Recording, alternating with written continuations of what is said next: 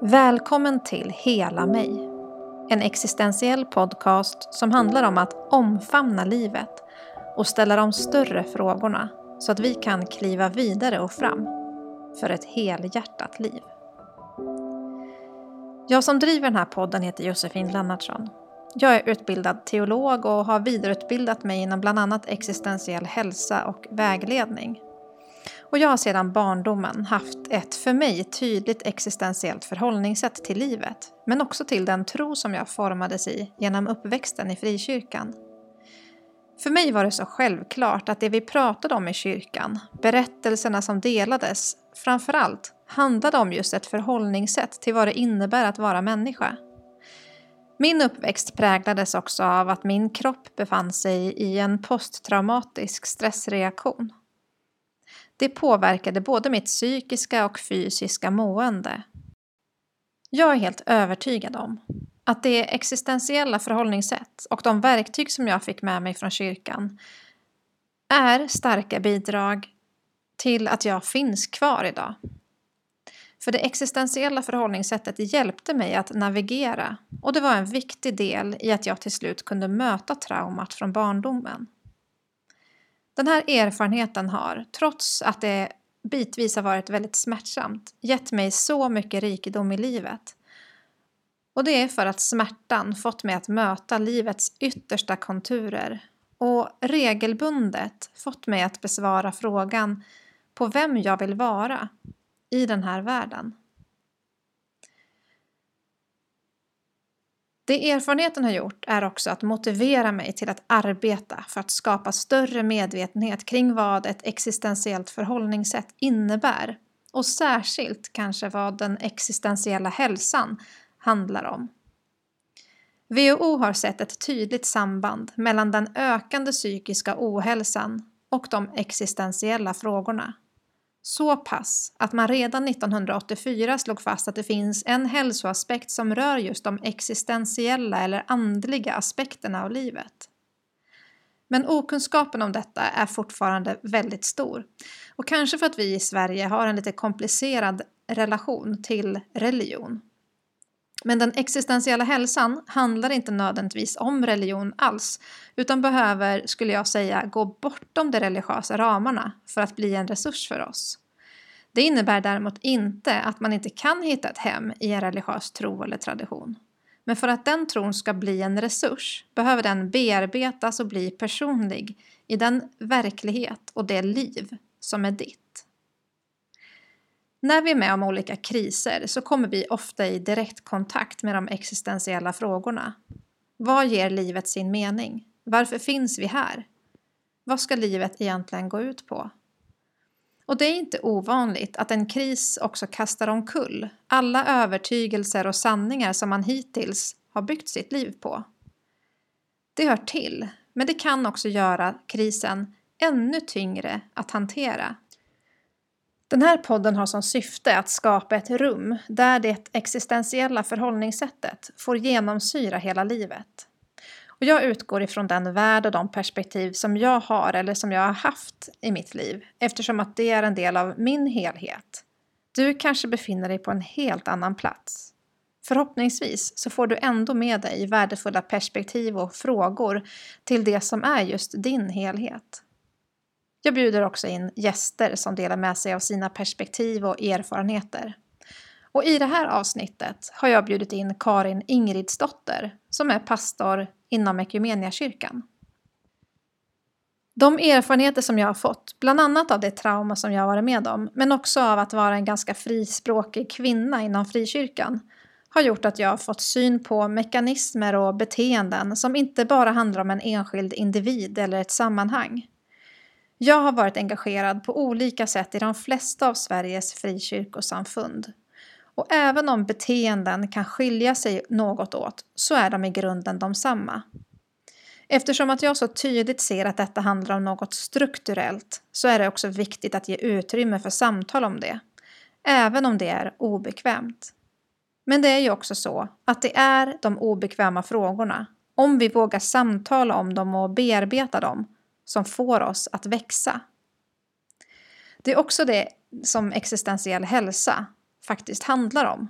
Att våga möta de stora och ibland obekväma frågorna som ställer allt på sin spets, som kanske ruckar på vår verklighetsuppfattning, så att vi får en mer konkret och personlig relation till vårt egna liv. Det här avsnittet kommer att handla om just det. Om strukturer som varje år skadar både enskilda individer men också hela sammanhang. Karin Ingridsdotter blev en av dem som samordnade det frikyrkliga metoo-uppropet Sanningen ska göra er fria hösten 2017. Och hon har sedan dess varit engagerad i den nationella metoo-rörelsen som en representant från det frikyrkliga uppropet. Vi pratar om vad metoo handlar om, att vilja göra skillnad, om var man ska, ska kanalisera sin längtan efter att skapa en bättre värld och om hur sexuella övergrepp i grunden inte alls handlar om sex utan om makt.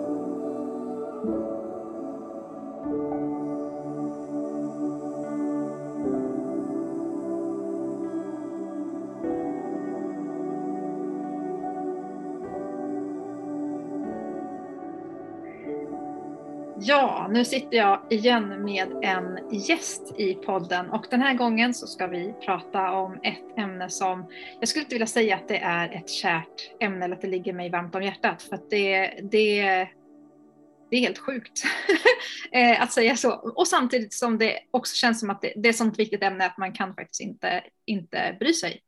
Ehm, och jag vet att eh, min gäst Karin Ingridsdotter kanske känner ungefär likadant. Eh, välkommen till podden och till det här goda samtalet. Tack så mycket Josefin. Då kan vi bara börja som vi brukar, värma upp lite grann så får du bara för de som inte vet vem du är, kan inte du berätta lite om vem, vem är Karin Ingridsdotter? Ja, Eh, jag är pastor i Ekumeniakyrkan sedan eh, tio år tillbaks.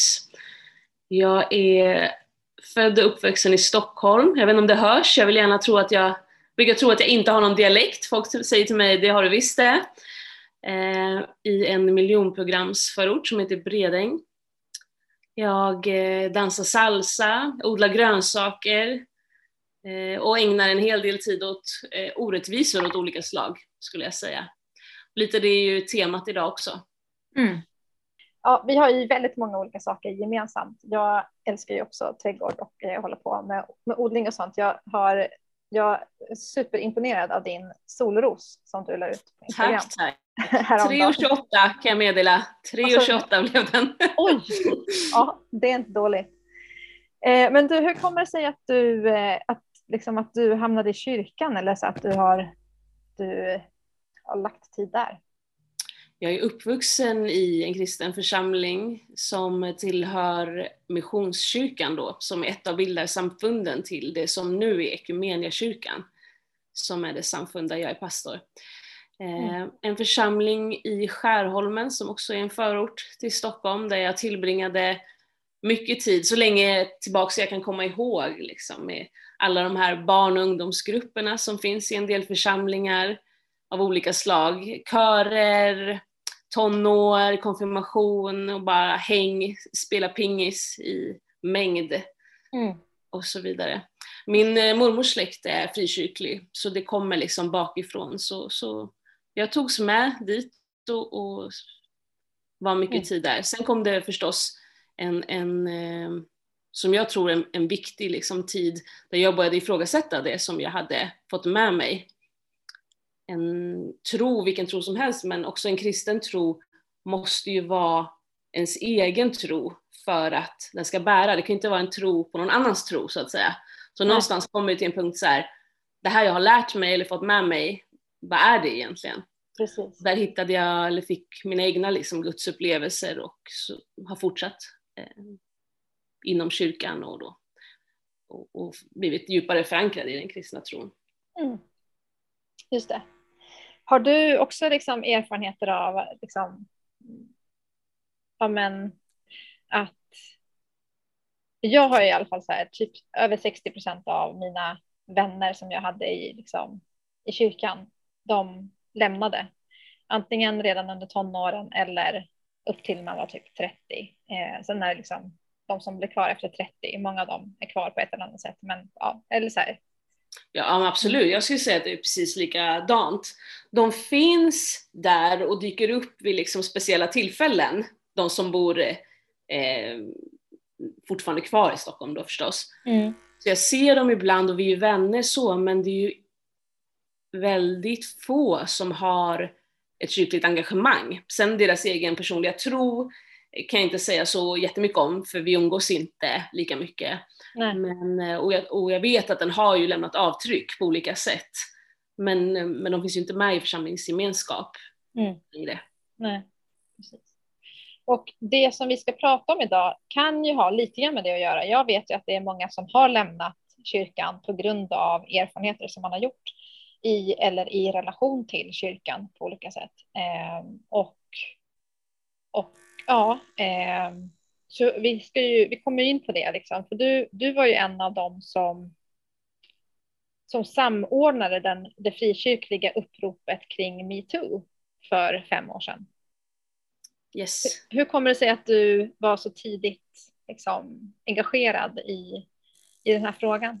Alltså det bara blev på något vis. Eh, det var ju den där hösten som jag tror vi alla minns när det började koka. Mm. När tweeten kom från USA, kom över hit.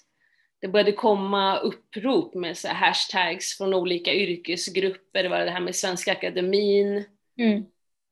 Um, och, och fler och fler sammanhang, eller främst yrkesgrupper då, släppte ju upprop. Och jag tänkte ganska tidigt så här, hoppas, eller det måste komma ett upprop från kyrkan. Mm. Eh, vi måste vara med i det här, eh, för självklart eftersom vi är en del av samhället så finns sexuella övergrepp och trakasserier också i den kontexten. Verkligen. Så att vara med liksom i en trovärdighetsfråga. Mm. Ehm, och, och avvaktade lite och så släppte ju Svenska kyrkan då sitt Var det ljus. Mm. Och då tänkte jag, jaha, men då kanske ett frikyrkligt då. Började höra mig för lite om det var någon som visste om det var på gång. Och det hörde liksom, jag hörde här och där, men det var ingen som visste någonting. Så då var det jag och några av de tjejerna som jag kontaktade som sa, nej men då får vi göra det själva då. Ja. Eh, så, så det var bara så som det skedde. Mm. Och så, så lärde vi, tog vi lärdomar av de andra uppropen som hade kommit tidigare, hur de hade gjort, vi hade kontakt med dem från Svenska kyrkan. På samma vis så hade vi en sluten Facebookgrupp där man kunde dela sin berättelse om man ville, man kunde också dela den anonymt. Vi hade en lista där man kunde, vi samlade in namn, där, ja, jag har också liksom varit med om det här. Mm. Eh, och la mycket tid på det under någon månad. Där. Då var det vinter, hade det blivit då blev ju också mycket uppmärksammat i press, eh, kristen press. Och eh, ja, det var full fart med liksom, intervjuer och vi skrev debattartiklar. Eh, och, ja. Så, så, det var liksom inget som var planerat som svar på din fråga utan det bara blev. Eh, och ibland är det ju så.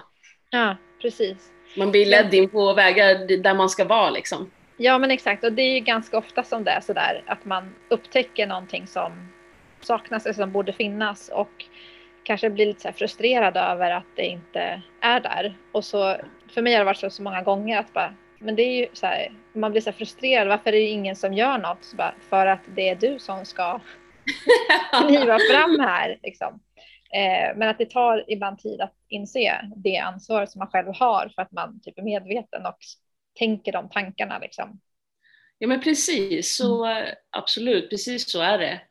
Ehm, jag tänker att det är typiskt bibliskt på ett sätt också, att, att bli kallad till vissa uppgifter behöver ju inte bara, ibland tänker man att ett kall är, ja jag ska bli sjuksköterska eller jag ska liksom få life. Mm. ibland kan det också vara speciella sådär, uppgifter en viss tid. Ja, um, så det var jag och tre andra då, mm. från lite olika samfund som startade och administrerade Sanningen ska göra er fria, ja. hette det, eller heter det. Och det är Precis. ju, för den som inte är så bekant med den kristna tron så är det ett, ett Jesusord där Jesus pratar om sig själv, men kan ju också appliceras på den här eh, kontexten, tänker jag. Att mm. Sanningen måste komma fram liksom, för, ja. för att det ska finnas någon typ av möjlighet att gå vidare. Och, Precis, och, bli och det, det, som... att det finns, det finns alltid en frihet i sanningen. Exakt. Mm. Mm. Men hur kommer det sig, för sen har ju du, det var ju liksom inte bara så att du såg att det behövdes, utan för du har ju engagerat dig och du är ju ganska kunnig också skulle jag säga, liksom på ämnet eller på liksom mekanismerna runt metoo-relaterade, ja vad säger jo, men Jag har väl lärt mig, mm. tänker jag så här, dels tänker jag att jag har en erfarenhet bara av att vara kvinna. Ja. Eh, och nu pratar jag väl både om kyrkans kontext och samhället i stort. Jag kommer ihåg första gången jag såg en naken man. Det var en man som blottade sig för mig och min kompis mm. när vi var, gick på mellanstadiet. Och sen liksom fortsatte det innan puberteten med tafsa och, och händer i krogkön och ja, you name it liksom. Ah. Så den erfarenheten finns ju, den kunskapen eh, som mm. har byggt på. Mm. Sen har jag, jag lärt mig under tiden, det är inte så att jag har någon speciell utbildning kring det här eller men det intresserar mig och orättvisor har liksom en tendens att så här, jag är så här, vad är frågan om här egentligen? Ja. Eh, jag läste BRÅ, Brottsförebyggande rådet, 99, förut var det 98 procent, men nu är det 99 procent av alla sexuella trakasserier och övergrepp i Sverige begås av män. Mm. Liksom, det går inte, vad, så här, vad är frågan om? Det går inte att bortse från att det här är ett strukturellt problem. Liksom. Nej. Det, det, säger ju ingenting om varje enskild man såklart, man, mm. det gäller ju att ha det, de två liksom spåren i huvudet samtidigt, men ja, det finns ju ett problem här. Och Verkligen. sånt där är mig galen, alltså jag tänker mm. för nästa generation och, och, mina kompisars barn och sådär att mm. jag måste vara med liksom, det är väl där vi har som uppgift att försöka göra världen lite bättre eller där man finns liksom. Man ja, kan inte göra allt, men då kanske kyrkan till exempel kan vara min kontext då, för där har jag, kan jag liksom språket, eh, kulturen och så vidare och en person som en del känner till och ja, man har en mm. plattform någonstans. Um, så så är det ju. Sen är jag med i den, det finns en samordningsgrupp för alla de över 70 metoo-uppropen som finns nu. Mm. Eh, och där är jag liksom med som vår representant, så jag har lärt mig av dem också. Ja, just det. Tänker jag. Mm. Och, och hur ser den rörelsen ut nu då? Är, det liksom, är den fortfarande pågående eller träffas ni regelbundet eller hur ser det ut? Ja, alltså det är en förening mm. som bildades då för att det är lättare att ha en sån form när det är så mycket människor involverade. Mm. Eh, det är klart att den inte är lika aktiv som den var då, den vintern. Nej. Men det är en, en, eh, ja, en styrelse som är väldigt liksom drivande och aktiv och sen är det, kan man ju välja själv hur mycket möjlighet också man har och, mm. för sitt engagemang. Eh, varje år på den 15 oktober som är metoo-dagen, eh, då den första tweeten kom, mm. så, eh, så gör man liksom, sist var jag med i ett panelsamtal på Moderna Museet, nu vet jag att metoo-dagen kommer, det är en utställning i Umeå eh, på Kvinnohistoriskt museum och så vidare. Så ja, man försöker göra olika, och så delar vi, liksom peppar varann och ja, delar olika liksom, fakta och statistik och, och, och, hur gör ni det här och hur skulle man kunna tänka här och, mm. och försöker påverka politiskt. Där ligger det väl nu mest. Ja, precis. Och jag gör min del liksom i min kontext och försöker eh, fortsätta vara ute och prata och hålla det här liksom aktuellt på olika sätt. För det är ju inte så här, ja ah, då gjorde vi det den här vintern och sen var det klart. Nej, exakt. Nej, utan det var ju bara... Pågående liksom, eh, man måste ja, hålla... Ju, exakt, det, det, var ju då det började liksom. Det var ju liksom, det, det var ju då skygglapparna föll av mm. på så många liksom. Eh, och det där har jag tänkt lite grann på för att jag minns den där hösten otroligt starkt för att det liksom det där upprop, alltså hela metoo, det satte min kropp. Liksom. Mm. Eh, jag ja, men dels så hade jag liksom, jag höll på att tillfrisknade ifrån en utmattning som en, liksom vissa procent av den utmattningen hade också med att vistas i miljöer med väldigt mycket härskartekniker och mm. där liksom man kan känna sig ganska utsatt som kvinna. Eh, eller kanske inte bara som kvinna utan som, som lite annorlunda i sammanhanget. Eh, och ja, och så har jag med mig liksom andra trauman sen, sen innan liksom, så att jag, det, det var liksom det olika lager. Men i alla fall, men att det där satt liksom i min kropp så mycket så att varje ny situation som kom rev ju upp jättemycket känslor i mig. Mm. Så det var ju liksom inte bara så här att så här, att det var fantastiskt, utan det var ju också, det var ju liksom ångestpåslag på ångestpåslag, mm. samtidigt som det fanns en frihet i det att så här, oj, men shit, här också och liksom att det var som en, man blev påmind om hur många lager av eh, accepterade beteenden som man har liksom, tagit på sig och som man har liksom, som har lagts på en. Eh, och så här, lager för lager blev ju synliggjort och där man också fick så här, på något sätt, ta itu med att bearbeta det. Liksom. Eh, och jag, jag var inte liksom, jag engagerade mig inte alls särskilt mycket. Jag vet att jag var med i den här Facebookgruppen. Jag mm. skrev mm. en hashtag metoo, men inget mer på min Facebook-sida. Mm. Eh, det var, jag tror att det var det jag mäktade med. Liksom. Ja. Men du var i händelsernas centrum. Liksom. Hur, hur var det? Det var väldigt dubbelt får jag nog säga. Mm. Eh, dels så kände jag ju det som du beskriver liknande, kanske en, liksom en, en sorg, en, en ilska. Eh, det tog mycket energi att liksom läsa de här berättelserna som kom in. Mm. Vi delade upp dagarna mellan oss, vi som var med i den här, så att man också skulle få en night off liksom, och göra något annat, att inte eh, behöva, behöver ju inte bevaka, men om man har startat en sån här grej så måste man ju ta ansvar för det också, att mm. finnas där eh, mm. i, i chattforum och annat. Um, så, alltså, en del var ju väldigt sorgsna för att de inte hade förstått att det här fanns i kyrkan. Det var inte den sorgen riktigt för mig, för att även om jag inte har blivit utsatt för det själv i kyrkan eh, så visste jag ju att det fanns. Eh, så. Men mer så här, kanske en sorg, ah, hur människor har haft det. Mm. Jag, jag minns liksom en kvinna som skrev till oss, som var såhär, det här är första gången på 50 år som jag har haft en plattform för att berätta om det jag var med om. Så mm. Och nu äntligen ett steg fram. Och jag bara, oh, liksom, kände ju för henne och ja. alla andra. Och samtidigt kunde jag ju känna så här, fick mycket energi och driv av det och så här, nu händer det. Mm. Och jag, ja men det här, så här, det är inte kul, det här är inte lätt. Men så för att någonstans jag älskar kyrkan, liksom, vad kyrkan kan vara.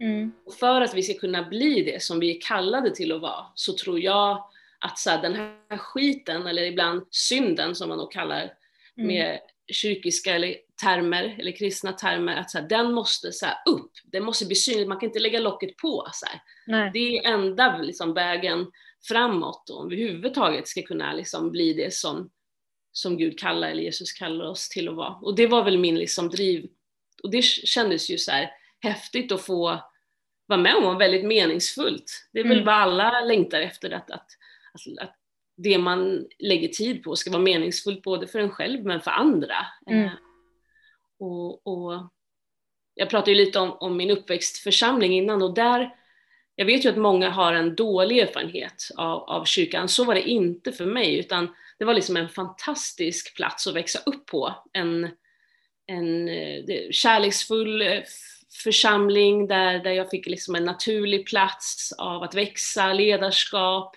omsorg, god människosyn. Jag, fick, jag tänker att mycket av mitt aktivistiska kommer därifrån. Mm. För jag fick tidigt lära mig att så här, hmm, man kan göra skillnad för andra människor och vi hör ihop. Så.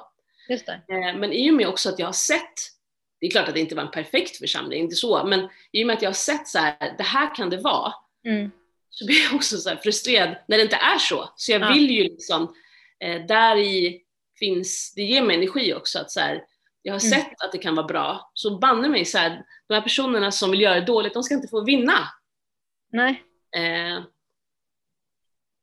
men det är klart det var omtumlande. Det var ju Mm. som en, ett vrål Mm. från Mm. kvinnor och liksom icke-binära över hela världen egentligen. Verkligen, verkligen. Ja men och, och, så, och så var det ju och jag kommer ihåg att jag kände, jag fick ett sånt hopp i det där också, tänkte nu, nu äntligen, nu kommer det här liksom skiten att rasa eh, så Mm. att vi kan bygga någonting av det här andra. Det som jag också ha, har hållit kärt så mycket, eh, tanken med kyrka liksom. Ehm, och så, så har jag i alla fall, jag, det är inte så att jag känner mig besviken för att det, liksom, det, det ligger på en annan nivå, men jag kan ändå se att så här, ja, men så här, vad gjorde det för skillnad då? Liksom, vad, vad hände sen? Liksom? Eh, och där jag kan känna lite så här att, ja, men, alltså, ja, det är klart att det, det kom upp på agendan på ett sätt och det liksom har, har samtalats om och man har också sagt att man behöver lära sig mer. Men sen går ju, rullar ju allting bara på. Och liksom, jag vet ju hur det ser ut både i, på församlingsnivå och i samfundsnivå. Det är ju, är ju en lång att göra-lista. Liksom. Så att, Mm. att jobba med strukturell ojämlikhet eh, på det här sättet, det, det, det ligger kanske inte så högt upp på listan. Liksom. Eh, men vad har det här engagemanget och liksom, ja, det här, vad har det gjort med din relation till, till kyrkan, liksom, där du är nu? Ja, ehm, det är ju precis som du säger att det, en del arbete har, har gjorts. ehm, olika mycket i olika samfund skulle jag Mm. säga. Sveriges kristna råd har också gjort en del. ehm, och jag tänker att en, stora, en stor vinst är ju att det finns liksom ett ord för det här nu. Ja, Eh, som det kan liksom aldrig bli osett eller osagt mer. Att man, man metooar någon eller, eh, och det är inte bara, alla vet liksom att oavsett om man på något sätt erkänner eller inte så vet alla att så här, ja att om någon säger, kommer med en, eh, säger emot på något sätt så är det inte bara ehm, ja men du överdriver eller du är så känslig utan så här, ja fast vi har sett att det här är ett, ett problem eh, Fast på är- en större nivå. ja men skulle du säga, skulle du säga att det är så? Alltså att, att kyrkan reagerar så när det dyker upp en sån situation? Och det vet jag, det är så olika. Mm. Ehm, För jag har Både ju också ja och nej. på... Alltså det finns ju bättre, jag tänker man har inrättat vissa liksom instanser för med visselblåsartelefon, om jag tänker till exempel på mitt eget samfund, Equmeniakyrkan då. ja, Eh, det här finns på agendan på ett annat sätt. Det, eh, jag, jag vet personer på liksom ledningsnivå som, som verkligen brinner för frågan. mm, Och samtidigt så försvinner det ju som du säger så här, lätt i, eh, i mängden någonstans. Det, här, det här är inte det enda vi kan på något sätt prata om eller vi, vi måste. Eh, vidare. Och, och jag tänker på församlingsnivå så vet jag inte alls om det har blivit eh, bättre. Jag tänker Mm. att som vi såg i uppropen, ett, ett stort problem är ju tystnadskulturen. Ja. Eh, exempelvis där när någonting händer och någon, om någon tar då det här enorma modet att våga berätta så ska man, har det varit många exempel på att man ska hantera frågan internt eller man värnar förövarens framtid mer än den som har blivit utsatts framtid. Mm, Man vill inte att det ska läcka ut i media för att hur ser det ut, liksom vårt rykte och, och, och ja, man vill inte bli typ, ja men skriver frikyrkan med galningar liksom. nej. Och det kan jag tänka mig att det fortsätter, det vet jag inte. nej. Jag har ju liksom ingen insyn så. Eh, Ja, men jag har ju stött på liksom ifrån från pastorer och lite annat håll där man liksom tänker så att ja, men, så här, det här var en fluga, liksom, eller så här, det här var här, en, en trend i samhället som vi som kyrka inte ska behöva lägga någon tid på. Eller liksom, eh, det dummaste jag har hört, ursäkta. Ja, precis. Men du vet, och då när man sitter som så här, och då, det här var liksom en kvinnlig pastor som, som eh, sa det. Mm. Och då, här, man blir så, jag kände bara så här, jag blir så uppgiven. Mm. För det är så här, men om vi inte ens kan enas om att ja, det här är ett problem som vi faktiskt behöver vara vaksamma på och eh, ha, ha noggranna strategier för hur vi vill hantera när det väl händer. Liksom. Mm. Eh, så har vi inte lärt oss någonting. Nej men exakt. Alltså jag hoppas att det är någon slags förs försvarsmekanism hos den här personen att så här, för hur ärligt talat, hur är det möjligt om typ halva jordens befolkning säger så här, hej, det här har vi varit med om och man bara, det var nog bara en trend. Alltså, Mm. snacka om världsfrån, alltså vad, vilken verklighet lever du i liksom? Men det finns ju någonting i det du säger, just det här, så här som också tänker jag eh, man kan höra ibland, eller som kom då, Mm. att en del män inom frikyrkan eh, klev fram och sa så här, åh men liksom det här är hemskt att det händer i samhället. Nu, nu, nu har vi vår chans som frikyrkliga män att visa på ett mjukare mansideal Mm. eh, och liksom lära de andra hur man ska vara en man. Eh, jag förstår vad de menar, vi har ju ett eh, mjukare ideal på många sätt. Mm. Eh, och vi tränade i eh, kanske andra saker, eh, både män och, och kvinnor, och, och har verkligen liksom någonting att komma med. Det är inte det jag säger att, och, och, och också tänker jag att vi är vana i det här att vi ska hjälpa andra. Ja. Eh, olika saker, till exempel soppkök, alltså allt det här, diakonala och så vidare. Men det där är ju så här, det tänker jag att, att det är jättevanligt att man hamnar i att så här, det är inte vi igen, utan det är någon annan som är problemet. Så där ute, eh, det är alltid någon annan, om man tänker i samhället, som är problemet. Antingen är det Precis. muslimerna, eller så är det judarna, eller så är de homosexuella. Alltså det är någon, Exakt. så här, men så länge man inte förstår så här, ja men vi har problem också, Exakt. så, kommer, så finns ju liksom ingen väg framåt. Och där måste man vara jättenoga med att man, och det hoppas jag ju att sanningen ska fria har visat, och det har det ju, eh, Mm. att, att vi har också problem. Liksom. Eh, Ja. Vi är inte bättre än någon annan eller ehm, men vad varje individ väljer att göra. Men jag tänker så här, det är lätt också att man stirrar sig, man tänker på de som, som är de här som inte vill ta till sig fakta.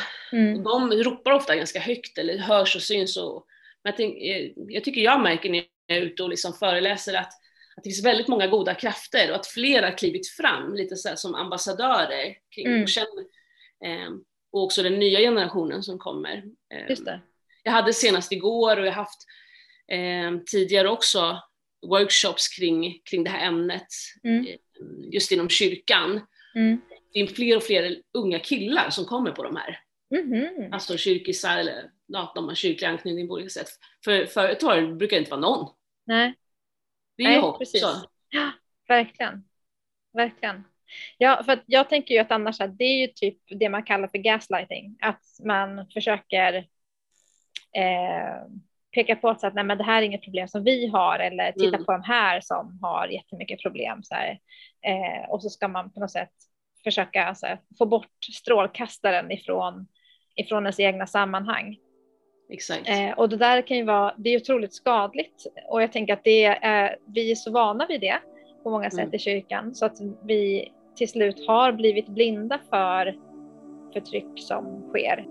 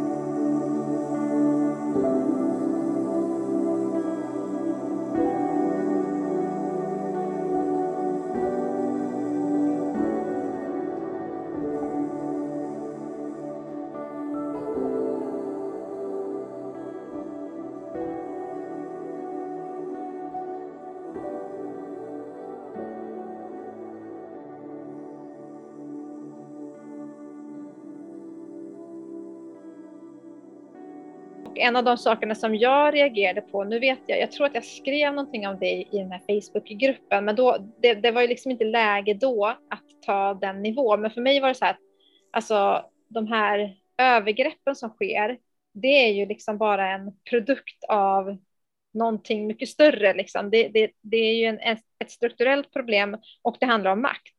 Mm. Eh, det handlar ju inte om sex, liksom, utan det handlar om makt. Det, det är ett maktövergrepp. Och, eh, och det finns jättemånga olika sätt att demonstrera sin makt på mm. i, i relationer och i sammanhang där eh, att begå någon form av sexuellt övergrepp är ett uttryck som är ganska grovt och som, som liksom alla, alla kommer inte så pass långt. Men, mm. men förutsättningen för att man ska komma dit är att vi har accepterat väldigt många andra maktövergrepp innan dess. Absolut. Um, och det är ju också så här, för mig en så här, har varit en frustration över att vi, om vi inte ens kan se det, liksom, de mest uppenbara fallen av liksom, de här sexuella övergreppen som vi faktiskt har många case på. Jag kommer inte ihåg hur många vad som skrev under sanningen ska göra er fria. Undrar om jag har fått ner det. Jag för mig att det var två eller tre tusen totalt eh, var det ljus och sanningen ska göra er fria. Ja, det kan stämma. Jag får återkomma med exakt siffra. Ja, precis. Eh, men vi har i alla fall ett antal situationer eller liksom händelser som, och då är det bara toppen av ett isberg för att de som, som säger till, det brukar ju vara, jag kommer inte ihåg nu vad den procentsatsen är, men det är liksom, det är en liten procentsats som, ja, absolut. som berättar. Liksom. Eh, och sen kan det vara väldigt många som, som, är, ja, som lider i det tysta. Liksom. Men, men eh, vi har ju ett visst vi har ju liksom ett antal situationer i våra sammanhang där, där vi vet att det här har hänt och då är det, det i sig bara ett tecken på att det finns eh, en kultur av, av maktövergrepp i mm. de här sammanhangen där liksom, det sexuella övergreppet det är ett, ett av de uttrycken och där, där det på något sätt har varit så att man under så pass lång tid har accepterat den här liksom, eh, ojämvikten i, i makt i, i, relationerna så att, att den här gränsen har liksom varit möjlig att, att gå över. Precis. Vi har ju riskfaktorer i våra sammanhang där vissa är liksom liknande som man säger resten av samhället har och sen har vi ju speciella saker som kommer med religion, ja. eh, oavsett religion, som där, där religionen både kan vara eh, en riskfaktor om den används fel, eh, så att säga, eller används för någons egna syften. Eh, andliga härskartekniker är ju liksom ett, ett exempel på det. Men också en hel del liksom verktyg och, och, och, och möjligheter framåt mm. till, till läkning och, och helande. Där, men ja, det, visst är det som du säger, och det är ju liksom en förskjutning kring, det, ofta, det går ju inte från noll till hundra. Eh, utan det är ju en förskjutning av vad som är okej okay och vad andra signalerar att det inte får konsekvenser eller att det inte finns eh, vägar att anmäla eller att eh, gränslöshet på olika sätt eller mm. ja, det här liksom en okunskap kring sex, sexualitet. Eh, Precis. Och där det har, alltså, om jag tänker som i kyrkan så är det, liksom, det är ett sånt laddat ämne så mm. bara det i sig tar man ju kanske inte upp och pratar om och att du har varit utsatt för någonting i det. Det blir sådana extra lager av skam mm. att, att liksom eh, härbärgera. Eh, 1800 mm. totalt, 1800 kvinnliga eller berättelser eh, kom fram i, och, och sammanlagt då mellan Svenska kyrkan och frikyrkans mm. uppror. Mm. Eh, så det är ju ändå en hel del och de berättelserna är ju ganska explicita, alltså många av dem som, som delades, där det är eh, väldigt tydliga erfarenheter av hur övergrepp har skett i alla olika rum som har med kyrka att göra, både på, eh, på läger, i gudstjänstlokaler, i sakristia, i själavårdssamtal, Eh, vid, liksom, vid orgeln, här, mm. alla möjliga, liksom, i konferensrummen. Mm. Ja, att det fanns liksom inget rum som var ofredat. Nej, precis. Och också åt alla möjliga håll. Liksom. Anställda ja. som har utsatt varandra eller anställda som har utsatt församlingsmedlemmar, församlingsmedlemmar som har utsatt varandra, församlingsmedlemmar som har utsatt anställda mm. och så vidare. Liksom, att ja, det precis. skett i alla tider och, och, ja, precis. Precis, och att det kanske inte heller har varit en särskild kategori kvinnor utan att det också varit ganska brett. Liksom. Vilke, mm. Vilken ålder, eh, vilken typ av situation som man har befunnit sig i. Mm. Jag fick en berättelse till mig. Det var en person som hade sökt förbön och då mm. hade, hade eh, pastorn som liksom skulle, skulle be för, för den här kvinnan eh, liksom, ja, men, tagit olämpligt på henne i samband med att hon skulle få förbön. Och det där det är ganska vanlig, jag vet ju ifrån när man har varit i sådana sammanhang så vet ju jag att där har ju vi pratat om och haft så tydliga regler för hur man ska, så här, vart, dels att man ska alltid fråga, så här, är det okej okay att jag lägger min hand på din axel? Men sen också så här, det finns vissa ställen som det är okej okay att lägga sin hand på och många andra ställen som det inte är okej. Okay. Mm. Och bara det att vi ens har haft de reglerna, det var ju långt innan metoo, mm. visar ju på att det har hänt situationer som inte blev så bra. Precis. Men så här, och, och man, absolut att man har lärt sig av dem då och tagit fram någon form av så här, riktlinjer. Så här, så här bör man tänka. Men, men eh, jag har inget minne av att vi någonsin faktiskt, ja, att man så här, gick in djupare på det då. Liksom. Utan det var bara att förhålla sig till dem. de reglerna. Liksom. Sen, sen när jag väl, ja, men sen när man väl lägger ihop saker och inser också Ehm, det strukturella, den strukturella ojämlikheten som, som grundar sig i en människosyn där vi, där vi ser på människor med olika värden i grund och botten är ju vad det handlar om. Det handlar om att vi inte riktigt tror att alla människor har samma eh, samma så här, grundläggande värde, liksom. utan vi, vi sätter olika, vi värderar människor och människors er, liksom, eh, insatser på olika sätt. Mm. Eh, och vad det gör med oss och med vår självbild och eh, vad vi tror är, är möjligt också. Så jag tror så att det är min bild i alla fall att jag möter många som man kanske inte ens tänker att man har varit utsatt för någonting eller att det är någonting som är ett problem för att man så mycket redan tänker att man redan förtjänar att vara på en viss plats eller att man, man ser inte ens att man är utsatt för ett förtryck av något slag för att man tänker att det här är min plats. Liksom. Jag ska vara underlägsen den här, mm. liksom, i den här relationen. Um, och då, då skapas det redan där en grogrund också för att det ska kunna bli andra saker som händer. Liksom. Ja, absolut. Mm. Vad är det för andra lärdomar som, som jag vet att du har, har liksom, du har ju varit väldigt nära många av de här berättelserna och utifrån dem så har ni dragit lärdomar kring liksom, vad, ja, kring så här, hur, i vilka sammanhang kan det ha skett? Och, ja, men så här, vad, vad, vill du dela med dig av några lärdomar ifrån? Vad jag själv lärde mig? Ja, precis. Ja, alltså jag förstod ju mer då, fick ju en, en helare bild av omfattningen, både i kyrkan och i, i samhället. Mm. Och precis som du sa nu, eh, hur det liksom har sett ut på, på olika sätt. Och att det, vi kunde ju se också ett tillägg till det som, som du berättade nyss, att det är också alla samfund, så att säga. Mm. Vi, eh, medierna gjorde ju, nu pratar jag inte om de kristna medierna, utan medierna gjorde ju metoo-rörelsen en jätteotjänst genom att börja eh, hänga ut eh, enskilda personer och skulle jaga, sälja lösnummer. Liksom. Ah, Martin Timell det där och den och den det där. Liksom. Mm. Det var inte alls rörelsens, utan det var ju att visa på det här strukturella eh, problemet. Precis. Ehm, någonstans. Och, eh, och, och, och, även när vi fick in berättelser till oss så var det ju, vi sa vi vill inte ha några namn, ibland fick vi det ändå och det tog vi ju bort då om vi skulle publicera för att det var inte det det skulle handla om. Nej. Men jag kan se hur, eller, eller namn på kyrkor eh, mm. och samfund sådär. Men att det är, eh, det är ju ingen som, eh, som inte är med, så att säga. Nej. Det var ju också en, en, en, eh, en lärdom. Och det som kan göra mig sorgsen liksom som pastor är ju också hur felaktigt man använder teologin. Mm.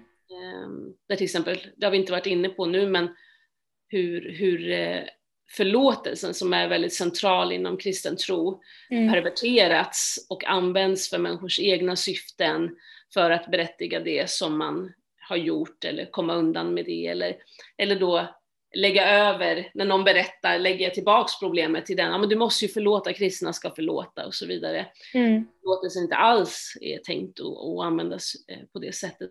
Och den omfattningen av hur, hur eh, ja, men, en perverterad teologi på olika sätt fick, blev jag ju varse där Ja. också. Precis. Och för annars är det ju, alltså det är ju mycket i kyrkan som skaver, jag håller ju med dig om det. Ehm, och, och där ställs, har jag ju ställts inför valet någonstans. Så antingen så, så lämnar man ju då och tänker så här, det här är bara, det här är inte, jag kan inte vara en del av det här. eh, När det ser ut som det gör. Jag vet hur det skulle kunna se ut men, men jag vill inte vara en del av det. Eller så gör man som jag har gjort då, att, att man stannar och tänker så här, eh, "Nej, jag älskar Jesus men jag har inte, jag, det är inte alltid jag gillar fanclubben liksom, kyrkan då. Att man ändå säger, men jag är med och försöker bidra eller påverka på det sättet som jag kan. För de som ja, gör Mm. det här, eller det här sammanhanget illa ska inte, ska inte få hö- bara, det får inte bara vara de som hörs liksom. De får Nej, inte ta precis. det här från, det här är det finaste som finns, det här är det bästa jag har liksom. Ja. ja, men fast, och samtidigt så är det ju det som jag, det, det är det, det är en av de grejerna som kan göra mig mest frustrerad. Mm. För att, att det är ju det som har ockuperat mig i över 20 år. Mm. Att så här, de ska inte, det är inte den rösten som ska få höras. Och så har jag lagt tid på att försöka vara en röst och engagera mig och förändra en organisation som i grunden inte vill förändras Mm. på de här, på de här frågorna. Eh, och där jag gång på gång ser att här, absolut att det finns liksom goda, både goda sammanhang och intentioner och personer i överallt. Liksom. Eh, men någonstans i slutändan så blir det ändå så här att, men var är det jag lägger min tid någonstans? Mm. Eh, och det är så här att skulle jag kunna vara en god kraft i den här världen utan att behöva ha den här tunga ryggsäcken av att försöka förändra ett sammanhang som säger sig vilja någonting fast lever på ett helt annat sätt. Och då är det som att så här, fast varför ska jag bära runt på den här ryggsäcken när jag, det jag tänker att det Jesus har gjort är så här, välkommen ut till livet, till världen, allt det här är mitt liksom. Mm. Så här, lev ditt liv, lys, var, var ett ljus och liksom eh, gör det du kan för att det här ska vara en, ett paradis på jorden. Mm. Och då så här, varför ska jag gå in i den här geggamojan igen? Liksom? Mm. Som, som så här, absolut säger sig ju vilja, vilja följa samma person som jag, följer, eller så här, som jag inspireras av. Men, men resultatet blir så extremt olika. Liksom. Jag kan tycka nästan lite tvärtom att typ samhället är ju likadant. Alltså resten av samhället, om vi säger så, så det är ju också patriarkalt. Liksom. Det är också alla de här problemen. Och, och där kommer man inte riktigt undan då om man inte liksom flyttar ut i skogen i någon slags hydda liksom, eh, och, och skär av all kontakt. Så på Mm. ett sätt kan jag tycka så här, eh, det är lättare då att göra någonting i kyrkan. För samhället, där liksom blir det för stort för mig. att så här, Mm. ja, Man kommer inte undan vad man än på något sätt så verkar det som att man är en, man måste, det är svårt att komma undan samhället så att säga. Och ibland kan jag tänka att kyrkan är en lättare liksom, men, men jag förstår samtidigt vad du säger och det finns ju en del i det, till exempel jag jobbar ju inte i församling längre, jag har ju, det beror inte på de här frågorna. Eh, Mm. Men, men jag kan ju, utan att jag har liksom smärtproblematik och också en lång en sjukskrivning bakom mig på grund av det. Men jag kan ju se att varför har jag inte varför är inte jag engagerad i kyrkan? Eh, nu kanske inte jag skulle vara ledare för en församling, men jag hade ju kunnat vara en församlingsmedlem, men det, det är jag inte. Mm. Utan jag har min tro och den är stark och liksom jag går med den, men jag är ju inte riktigt en del av kyrkan, utan jag kör ju någon slags eget race. Eh, och, det, och det kanske är också som av den anledningen du säger att så här, jag pallar inte med det som skaver. Eh, så, så jag, jag försöker påverka det jag kan eller göra så här. Jag lägger inte någon, alls någon tid på att bemöta de här andra för då plötsligt så ska man gå i pension och så har man inte ens hunnit göra det man vill utan man har bara varit fullt upp med att bråka. Liksom. Ja, exakt. Det pallar jag inte. Utan... Nej, och jag tänker så här, för mig har det också landat i att, men så här, är det verkligen att leva i kärlek? Mm. Att vilja förändra andra personer eller andras sammanhang som inte ser och förstår eller vill förändras. Det blir inte kärleksfullt, har jag landat i. Eh, mm. Så att där blir det också som att, här, att jag, vad, vad är det kärleksfullaste jag kan göra i det här läget? Ja, men det är ju att, att fortsätta vandra på den väg som jag ser att jag ska vandra på. Eh, men ta mig bort ifrån djungeln. Liksom. Eller så att ta av mig de här tunga ryggsäckarna som, som jag faktiskt inte behöver för vandringen. För att, för att jag har gott om proviant ändå på min vandring. Eh, så jag behöver inte ha med mig tegelstenarna i ryggsäckarna. Nej, precis.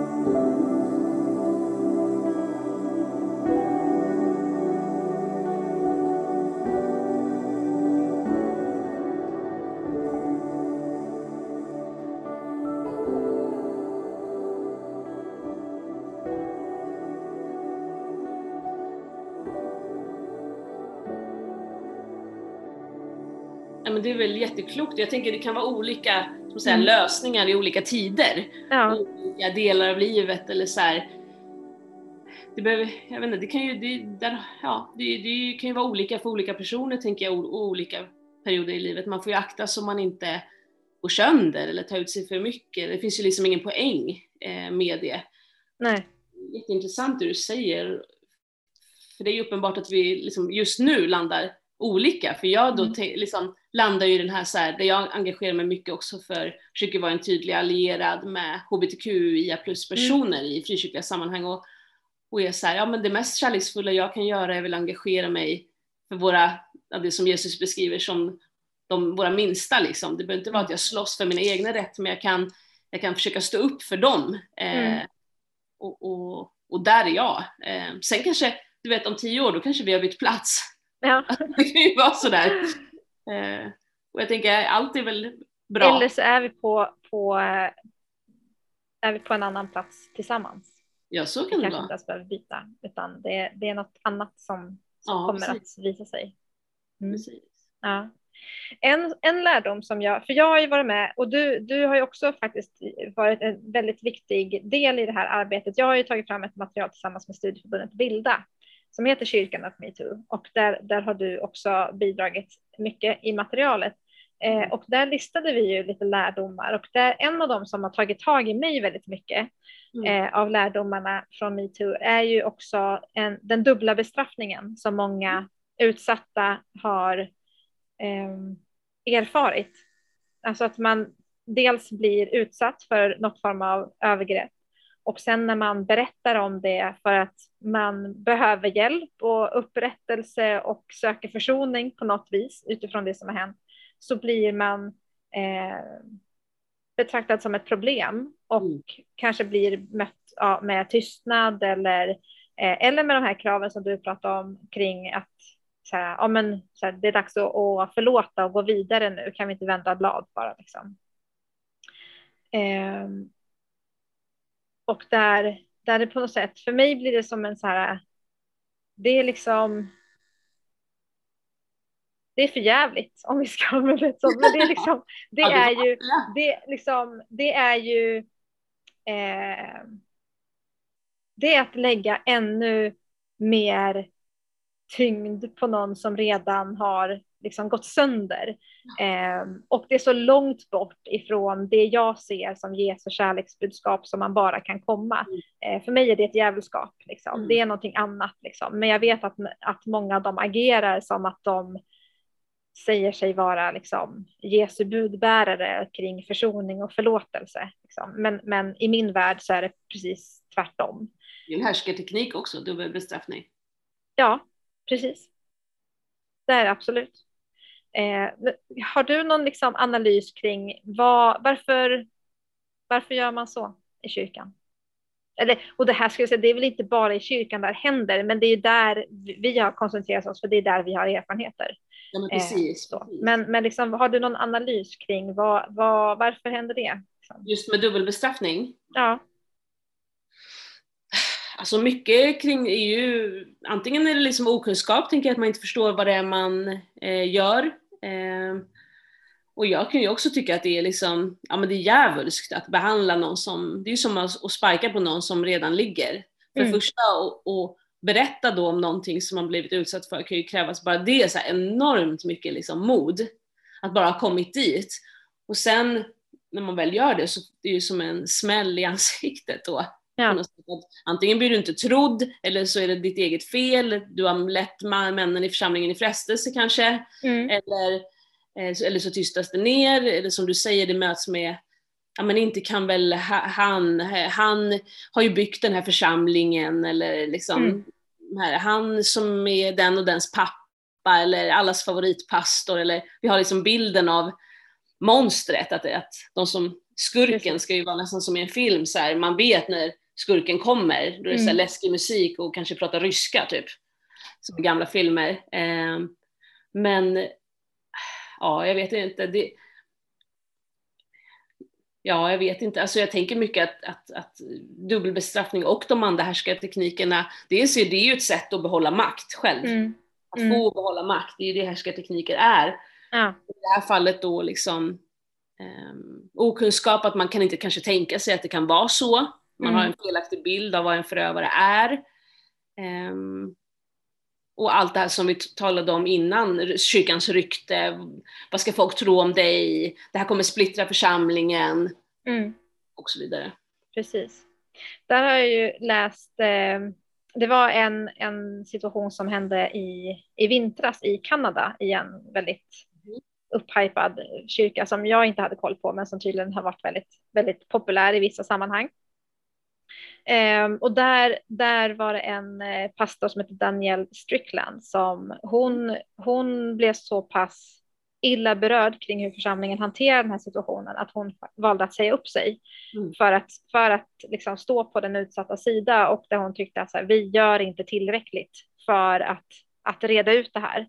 Eh, men och då nämnde hon i alla fall i samband med det där eh, så, så talade hon om Eh, den ojämlikhet i makt som ofta utspelar sig när det kommer till församlingsmiljöer. Att, att det inte jättesällan är en man i maktposition som, ut, alltså som, som då gör ett övergrepp på en, en person som inte har samma position i sammanhanget. Och det gör att när den här historien sen blir känd så tar man generellt den kända personen, den den personen med mest makt i försvar. För att alla har ju relation till pastorn eller till den här ledaren. Men inte lika många har relation till den där kvinnan som kom in och sjöng i något lovsångsteam eller som var med i söndagsskolan eller som var helt ny och gick i själavård. Mm. Eh, och, och det är mycket lättare på något sätt att, att misstänka att det var någonting som hon gjorde eller att hon vill smutskasta våran fina ledare mm. än att faktiskt tro att den här ledaren skulle kunna göra någonting. Så det är mycket lättare att man liksom tar, eh, ja, tar ledaren eller liksom den här personen i parti därför att man har en relation till den personen. Mm. Så redan där så blir det en, en ojämlikhet i makt som gör att man liksom, det blir mycket svårare att bli trodd och mm. få upprättelse. Mm eh, ja, som jag tänker så att det, det, det är ju ofta så. Och att det kan ju vara så att ja, men i Sverige, liksom i kyrkligheten, det är inte jätte, alltså även om det är ganska många som engagerar sig i kyrkan, om man ska se rent så här procentuellt jämfört med typ idrottsrörelsen eller någonting, så, så är det ju inte ett jättestort sammanhang. Så att även om vi har engagerat oss i olika samfund så, så är släkterna går tvärs över alla samfund, man har liksom vänner i alla möjliga sammanhang. Så att det, det är inte så stora liksom, sammanhang, så att det blir ju att alla på något sätt känner alla eller känner till på något vis. Eh, och då, då blir det ju ännu lättare någonstans också att eh, heller kanske inte vilja se mekanismerna eller eh, se att ja, här blev det tokigt. Mm. För att det är en person som man har en relation till eller som man, har, liksom, som man känner till på något sätt och som man kanske har någon positiv bild av eller liksom, yes. vad det kan vara. Eh, och det var en av anledningarna till att vi gjorde det här materialet mm. på Bilda. För vi tänkte så här att innan en styrelse eller en ledningsgrupp eller en församling eller vilken typ av organisation den är hamnar i situationen att liksom morbrorn i, liksom, till den och den eller den där pastorn som alla älskar eller vem det nu är hamnar i en situation där någon upplever sig ha blivit utsatt eh, på ett sätt eller några, flera stycken upplever sig ha blivit utsatta eh, av den här personen och vi ställs inför att men den här har ju vi en relation till. Vi känner ju att nej men det, det kan ju inte stämma. Så innan vi ställs inför det faktumet att behöva ta ställning till en vän, släkting, liksom person som vi har en bild av, så ska vi ha en strategi för hur vill vi hantera den här typen av situationer? Så att när en sån här situation dyker upp, oavsett vem det är som anmäler den, så ska vi agera likadant. Ja, precis. Eh, Ja, och där och jag tänker ju så här att det är ett jätteviktigt arbete. Jag vet inte hur mycket den används, den statistiken har inte jag tillgång till, men, men jag vet ju att det är många församlingsledningar som har börjat arbeta med material, så det finns en liten efterfrågan på, på sina håll. Bra. Eh, men skulle, kan du se något annat så här, liksom, något positivt som du har sett, så här, att det här händer i kyrkan kring den här frågan eller eh, ja, men jag har ändå hopp om att det här det, liksom, det rör sig på något vis eller så här. Har du något liksom? Ja, alltså där har jag ju bäst koll på mitt eget samfund. De andra mm. samfunden kan jag inte säga så mycket om eh, hur de jobbar med just den här frågan. Jag vet, förra hösten så var jag med Bilda då, då var jag med i en paneldebatt eh, om ämnet och då var det samfundsledare från Pingst, EFK, kyrkan och jag eh, som eh, var med och, och, och, samtalade om det. Eh, jag vet att det finns en efterfrågan för församlingar och styrelser och, och att, att, att liksom det blir aktualiserat. Eh, mm. Det, det, fanns ju material redan innan kring, ja. kanske mer riktat kring när man arbetar med barn. Precis, eh, och mer förebyggande, att man jobbar, alltså hur man ska tänka som ledare. Liksom. Precis, precis. Mm. Men här behöver, ja, man har förstått att, att det, det räcker inte eh, någonstans. Jag får fråga, frågan lite nu och då eller, eller det kommer in centralt och man får frågan på olika liksom, vägar om att komma och prata och, och, och föreläsa. Eh, och det vet jag ju att andra får. Det görs ju, det har gjorts det här superbra materialet som du har gjort. Det finns ju andra, ett som heter Trygg kultur som Equmeniakyrkan och Sveriges Ekumeniska kvinnoråd har gjort. Mm. En workshop. Eh, och, och, där man förstår att så här, det här, eh, och man vill lära sig eh, mer. Och, och det finns ju mycket som man kan utbilda sig i, liksom hur man möblerar kyrkan, hur, vad har vi för utrymmen här egentligen? Eh, styrelsens utbildning, hur informerar vi på läger, lika tydligt som vi berättar om nödutgångar och brandsläckare, pratar mm. vi också om kontaktpersoner för om någonting inte är bra. Um, har vi några kontaktpersoner överhuvudtaget? Alltså det finns jättemycket sån här, och som du säger, att ha en sån här lista på om någonting händer eh, och så här, då, då har vi den här listan, och så följer vi den. Mm. Ehm, Precis. Precis. Oavsett vem det gäller. precis.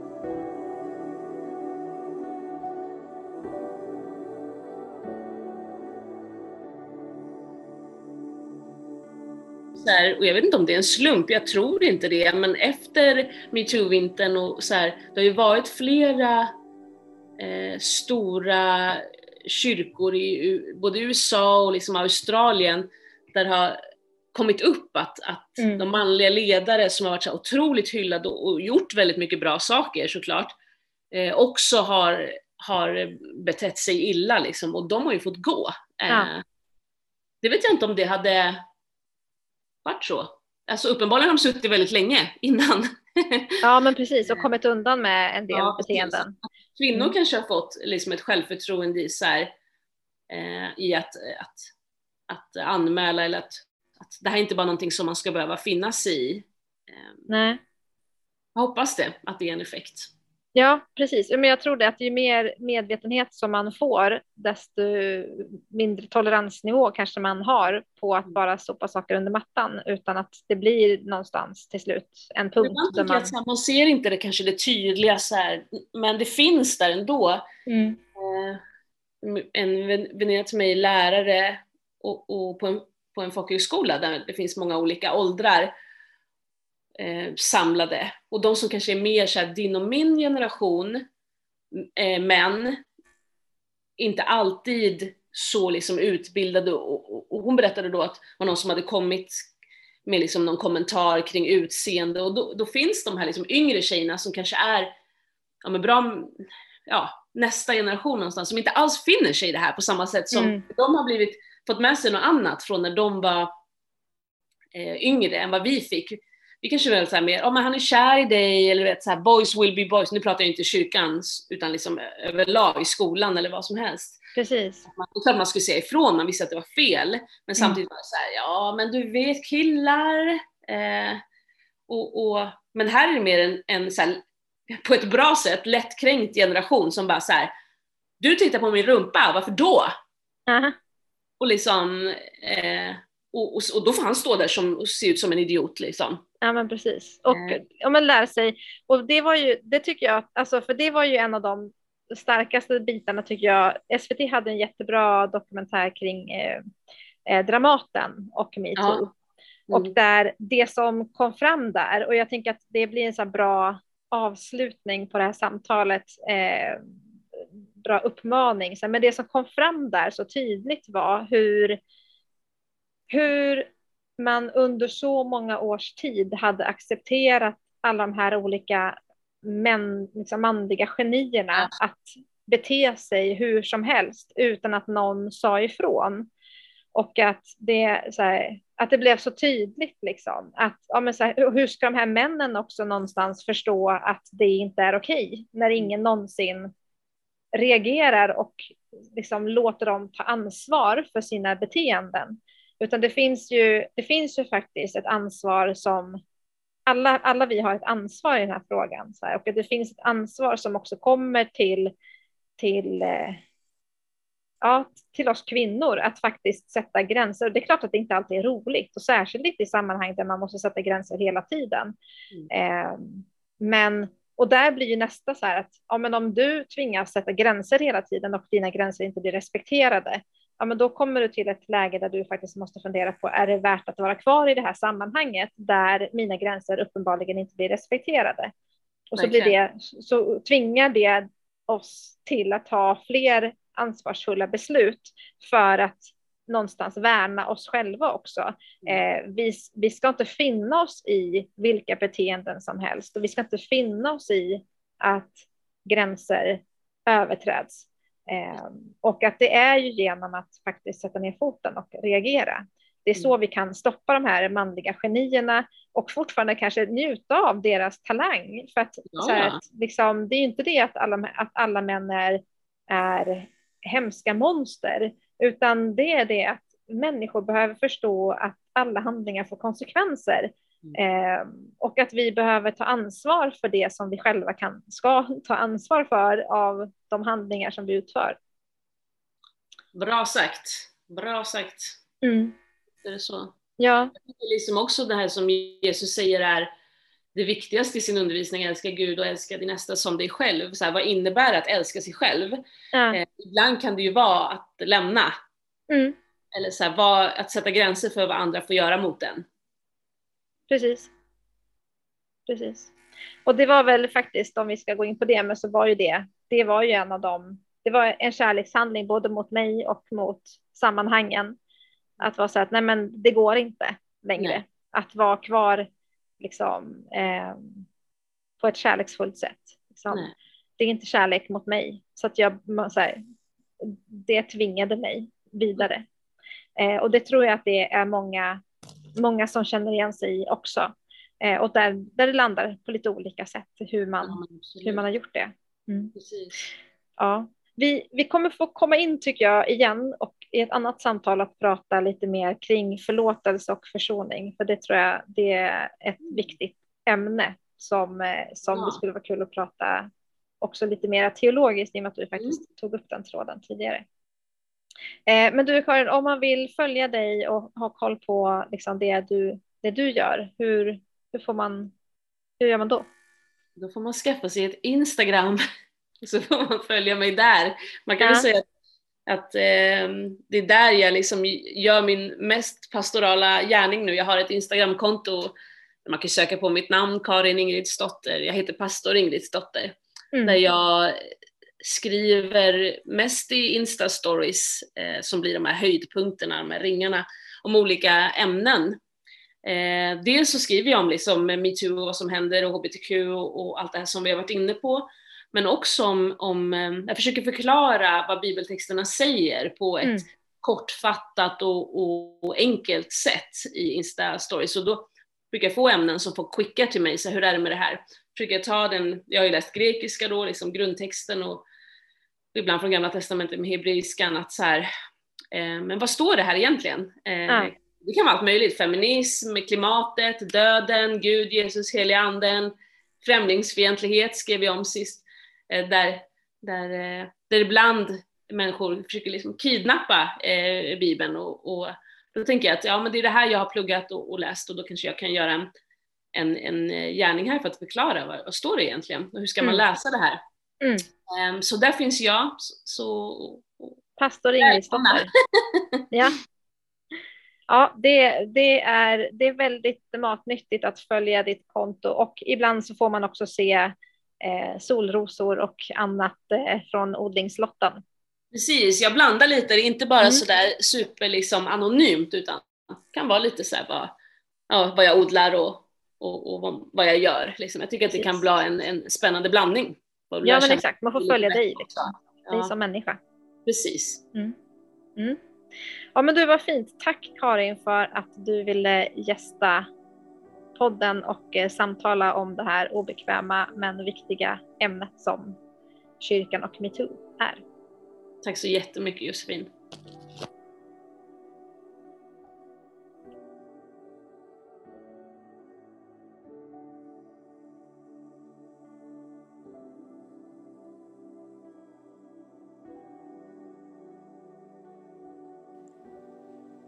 Har lyssnat på Hela mig en existentiell podcast och ett samtal mellan mig och Karin Ingridsdotter.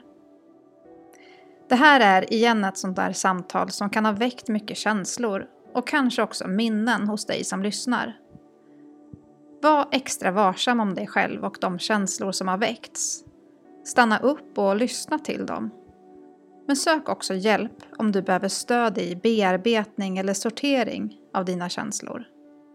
Om du har erfarenheter som du vill göra ett visst sammanhang inom kyrkan uppmärksam på så finns det idag hos de flesta samfund en mejladress eller ett kontaktnummer dit du kan höra av dig för att gå vidare med det som du har erfarenhet av eller som du ser ske. Sen är det såklart olika och upp till varje samfund exakt hur man arbetar med den här frågan och vilken hjälp som man faktiskt kan få.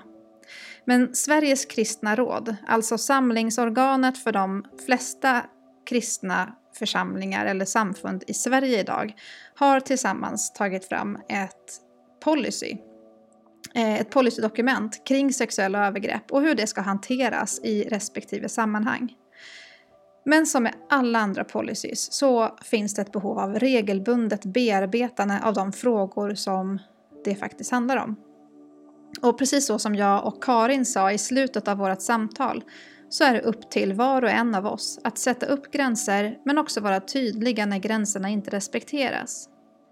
En policy kan hjälpa till att skapa en struktur men det är vårt gemensamma ansvar att se till att det också blir till en kultur.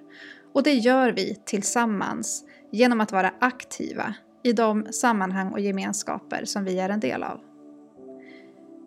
Behöver du mer omedelbar hjälp så finns till exempel Kvinnofridslinjen på telefon 020 50 50 50. Jag länkar också till ett dokument som Equmeniakyrkan har tagit fram med mer information kring sexuella övergrepp men också kontaktuppgifter och annat.